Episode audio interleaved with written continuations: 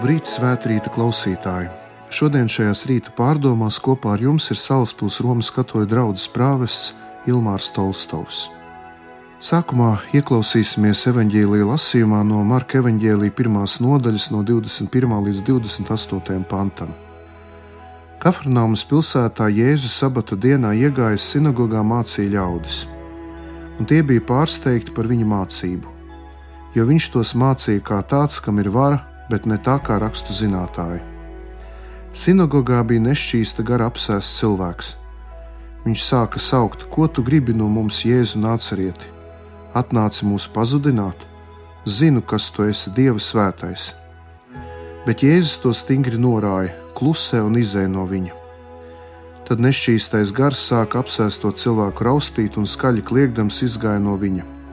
Bet visi izbrīnījās tā, ka cits citam jautāja: Kas tas ir? Kaut kāda jauna mācība ar spēku, pat nešķīstiem gariem pavēlu, un tie viņam ir paklausīgi. Un tūlīt ziņa par viņu izplatījās pa visu tuvāko Galilejas apgabalu. Tie ir svēto rakstu vārdi.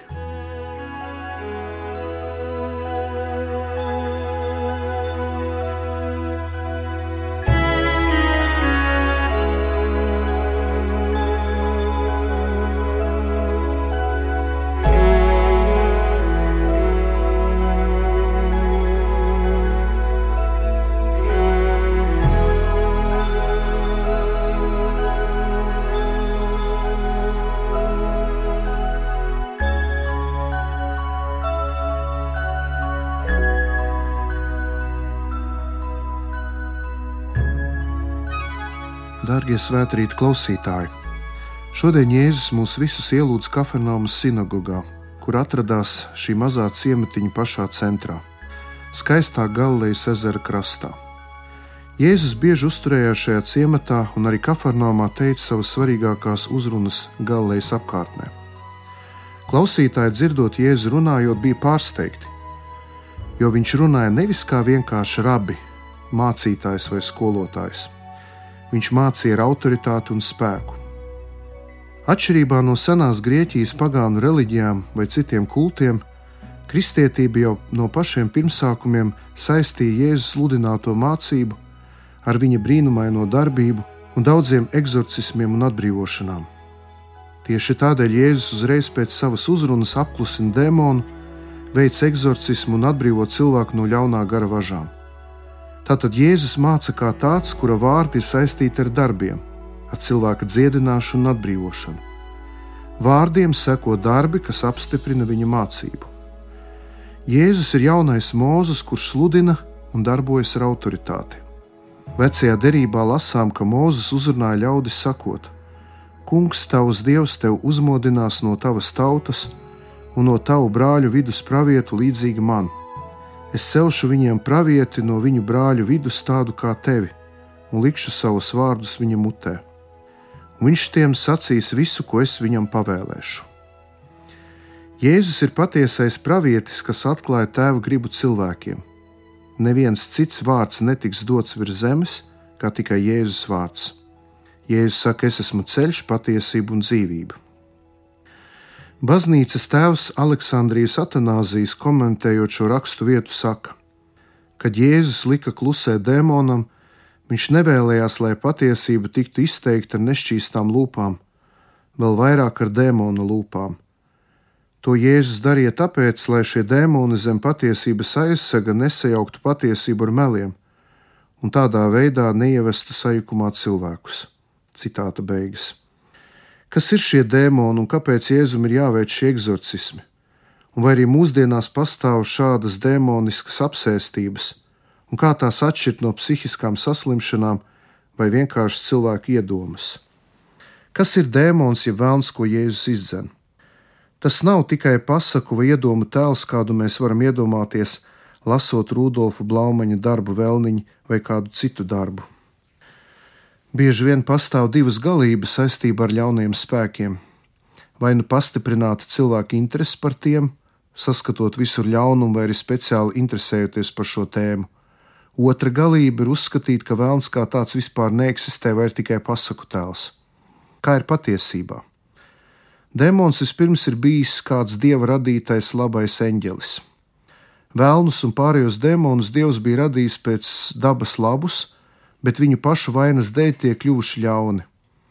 Otrajā pētera vēstulē, otrajā nodaļā, 4. panktā ir teikts, ka eņģeļus, kas apgrēkojās, dievs nesaudzēja, bet nometa tos pazemes tumšajās bedrēs, lai glabātu sodam.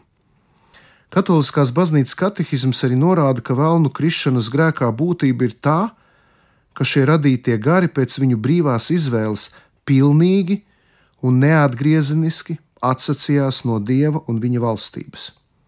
Atskaņas par šo sacelšanos atrodamas kārdinātāja vārdos, ar kādiem tas vēršas pie mūsu pirmvecākiem: Jūs būsiet līdzīgi dievam, 1. mūzes grāmata, 3. nodaļa.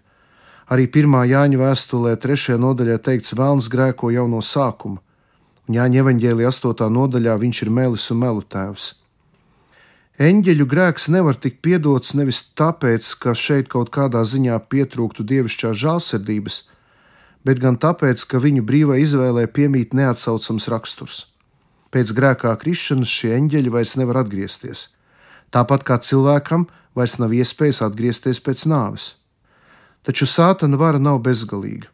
Viņš ir tikai radība, lai gan varena, kā tas pienāks tīram garam, bet kas tomēr ir un paliek radība. Ļaunais nevar novērst dieva valstības izveidošanu. Lai gan Sātans pasaulē darbojas aiz naida pret dievu viņa valstību Jēzu Kristu, un viņa rīcība nopietni kaitē garīgi un netieši arī pat fiziski katram cilvēkam un visai sabiedrībai kopumā, Tomēr šo darbību atļauj dievišķa apredzība, kas spēcīgi un liegi vada cilvēku un pasaules vēsturi. Tas, ka Dievs pieļauj vēlnu darbību, ir liels noslēpums, bet apustulis Pāvils vēstulē romiešiem 8. nodaļā saka, bet mēs zinām, ka tiem, kas mīl Dievu, viss nāk par labu. Marka evanģēlē ir ļoti daudz epizodes, kur Jēzus izdzen vēlnu no apsēsta cilvēka.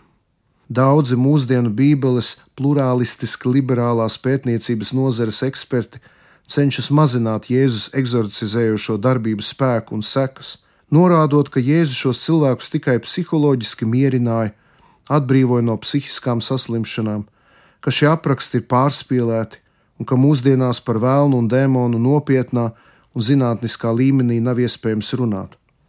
Tomēr, ja mēs Bībeles tekstus uztveram tā, kā tos ir vēlējies dot mums pats uzrakstītā teksta autors, tad varam redzēt, ka Jēzus darbībā var atsevišķi izšķirt cilvēka dziedināšanu no slimībām, un citā vietā atkal ir redzams atbrīvošana no ļaunā gara klātbūtnes.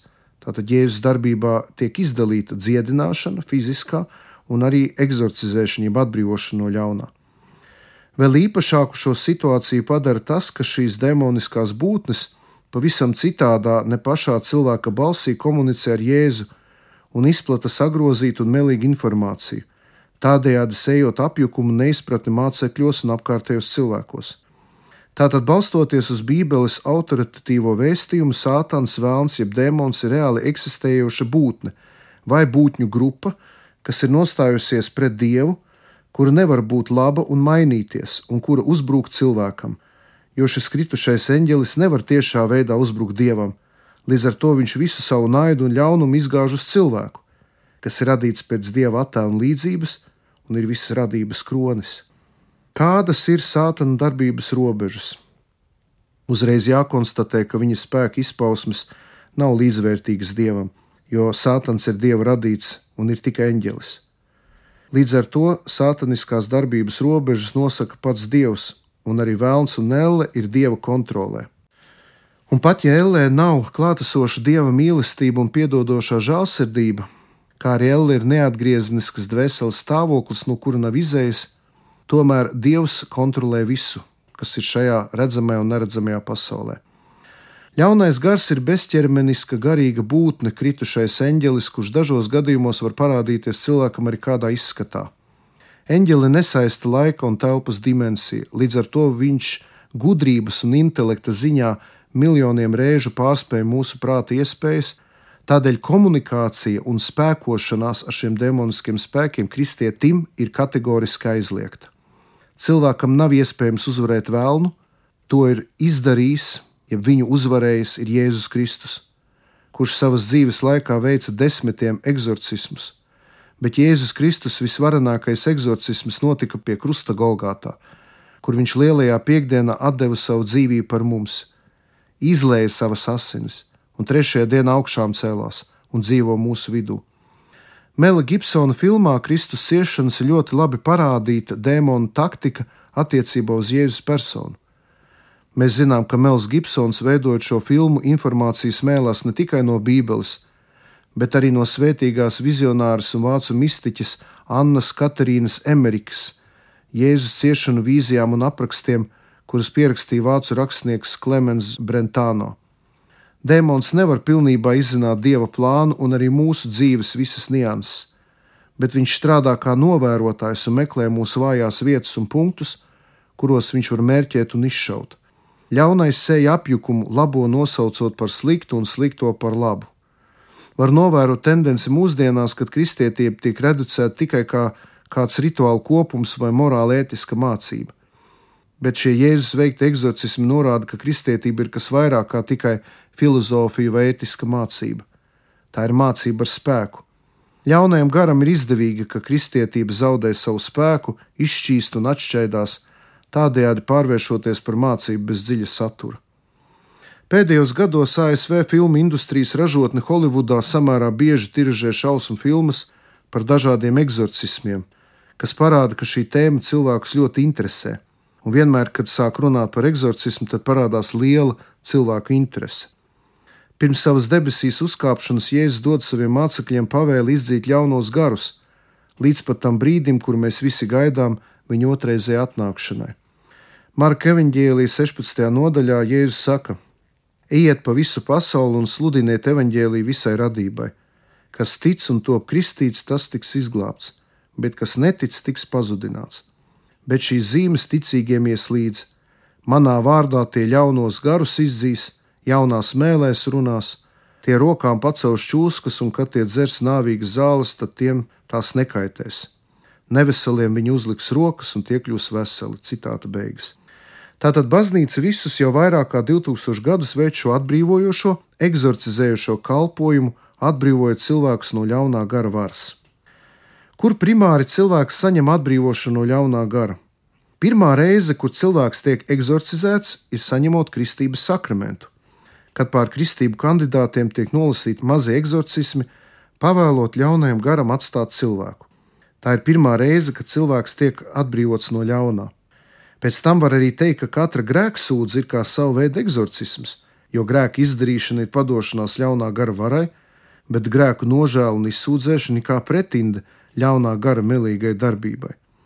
Ir, protams, vēl arī lielie eksorcismi situācijās, kad kāds cilvēks speciāli sevi veltīs sātanam un nonācis ciešā ļaunā gara iedarbības sfērā. Katoliskās baznīcas katehisms uzsver, ka baznīca publiski un ar autoritāti Jēzus Kristus vārdā lūdz, lai kāda persona vai priekšmets tiktu aizsargāts no ļaunā gara apsēstības un atbrīvots no tās, un to sauc par eksorcismu. Jēzus to praktizē, un baznīca no viņa ir saņēmusi varu un pienākumu veikt eksorcismus. Vienkāršotā veidā eksorcisms tiek praktizēts kristībās, Svinīgu eksorcismu, ko sauc par lielo eksorcismu, nevar veikt neviens cits, kā vienīgi priesteris ar biskupa atļauju. Eksorcisms jāveic piesardzīgi, stingri ievērot baznīcas ieviestās normas. Eksorcisms ir vērsts uz to, lai izdzītu vēlnus un atbrīvotu no vēlnu ietekmes, un tas notiek ar garīgo spēku, ko savai baznīcai uzticēja Jēzus. To nevajag sajaukt ar slimību, īpaši psihisku slimību, gadījumiem, kas attiec uz medicīnas jomu. Tātad pirms eksorcisma svinēšanas svarīgi pārliecināties, ka situācija ir saistīta ar ļaunā gara klātbūtni, nevis ar kādu slimību. Tātad baznīcā šos lielos eksorcismus var veikt tikai speciāli biskupa nozīmēta persona, un parasti priesteris un ar viņu strādā kopā speciālistu komanda, kurā vienmēr ir klātesoši psihiatri un citu palīgu nozaru pārstāvi, lai palīdzētu atpazīt, vai šīs izpausmes nav kādas psihiskas saslimšanas vai kādu citu mentālu problēmu izsauktas.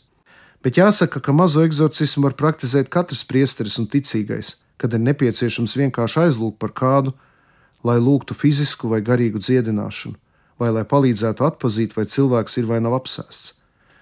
Jāapzinās, ka lielākoties cilvēki vairumā neatrodas tiešā ļaunā gara ietekmē, jo lielākā daļa no mums ir saņēmuši kristības sakramentu, un neviens tā īsti pats labprātīgi nevēlas sevi nodot ļaunā gara rīcībā un vadībā. Tāpēc arī tādi lieli apsēstības gadījumi ir ļoti, ļoti reti. Lielākoties mēs katrs nonākam saskarā ļauno tad, kad izvēlamies nepaklausīt dievam, kad izvēlamies neievērot dieva dotos desmit baušļus, arī vislielāko viņa doto dievu un tuvākā mīlestības bausli. Ļaunais ienāk mūsos tad, kad mēs sākam pakļaut sevi meliem un nepatiesībai. Tādos gadījumos pietiek, ja mēs nožēlojam izdarīto, aizējam uz labu grēksūdzi, izsūdzam savus grēkus, nožēlojam un saņemam grēku piedošanu.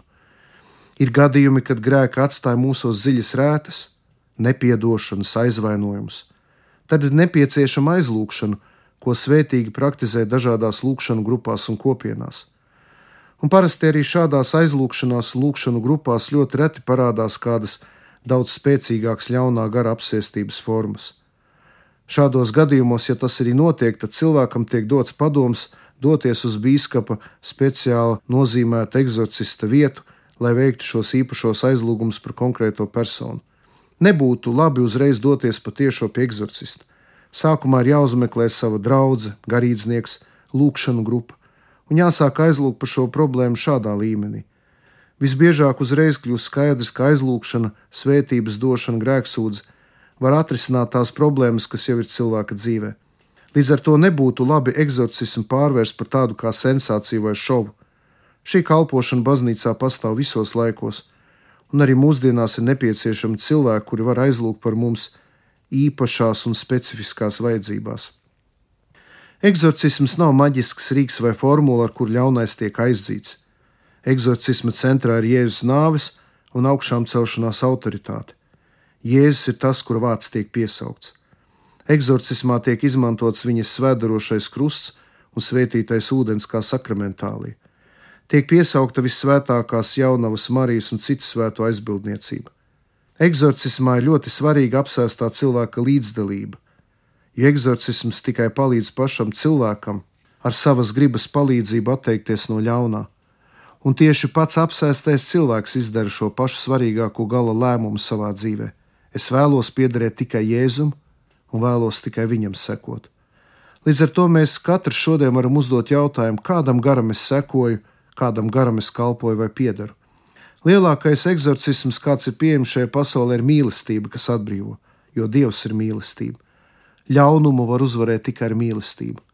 Nelīdzēs nekādas lūkšanas vai aizlūkšanas, ja nevēlēsimies palikt mīlestībā, kas ir vislielākā no Dieva dāvanām. Mīlestības priekšā ļaunais atkāpjas. Apostolis Pāvils vēstulē korintiešiem trešajā nodaļā saka: Mīlestība ir lēmprātīga, Mīlestība ir laipna, tā neskauž. Mīlestība nelielas, tā nav uzpūtīga. Tā neizturas piedaudzīgi, tā nemeklē savu labumu, tā neskaistas, tā nepiemiņ ļaunu. Tā nepriecājas par netaisnību, bet priecājas par patiesību. Tā apklāj visu, tic visu, tā cer visu, panes visu. Mīlestība nekad nebeidzas, pravietošana beigsies, valodas apklusīs, atziņa izbeigsies. Jo nepilnīgi ir mūsu atziņa un nepilnīga mūsu pravietošana bet kad nāks pilnība, tad beigsies tas, kas nepilnīgs. Kad biju bērns, es runāju kā bērns, man bija bērna tieksme un bērna prāts, bet, kad kļuvu vīrs, tad atmetu bērnu dabu. Mēs tagad visu redzam mīklaini kā spogulī, bet tad vaigu vaigā. Tagad es atzīstu tikai pa daļai, bet tad atzīšu pilnīgu, ka esmu pats atzīts. Tā nu paliek ticība, cerība un mīlestība šīs trīs, bet lielākā no tām ir mīlestība. Paliksim Dieva mīlestībā, kas mūs katru atbrīvo no ļauna un ieved dziļā dieva klātbūtnē. Un visi kopā arī lūgsim, kā Jēzus mūs ir mācījis. Mūsu Tēvs debesīs, svētīts lai top tavs vārds, lai nāk tava valstība, tavs prāts, lai notiek kā debesīs, tā arī virs zemes. Mūsu dienascho maizi dod mums šodien, un piedod mums mūsu parādus, kā arī mēs piedodam saviem parādniekiem un neieved mūsu kārdināšanā, bet atpestī mūs no ļauna, jo tev pieder valstība, spēks un gods mūžīgi mūžos. Āmen! Dieva tēva un dēla un svētā gara vārdā. Āmen! Svētīgu svētdienu, Jēzus augšām celšanās dienu vēlot, kopā ar jums šajā svētrītā bija priesteris Ilmārs Tolstovs.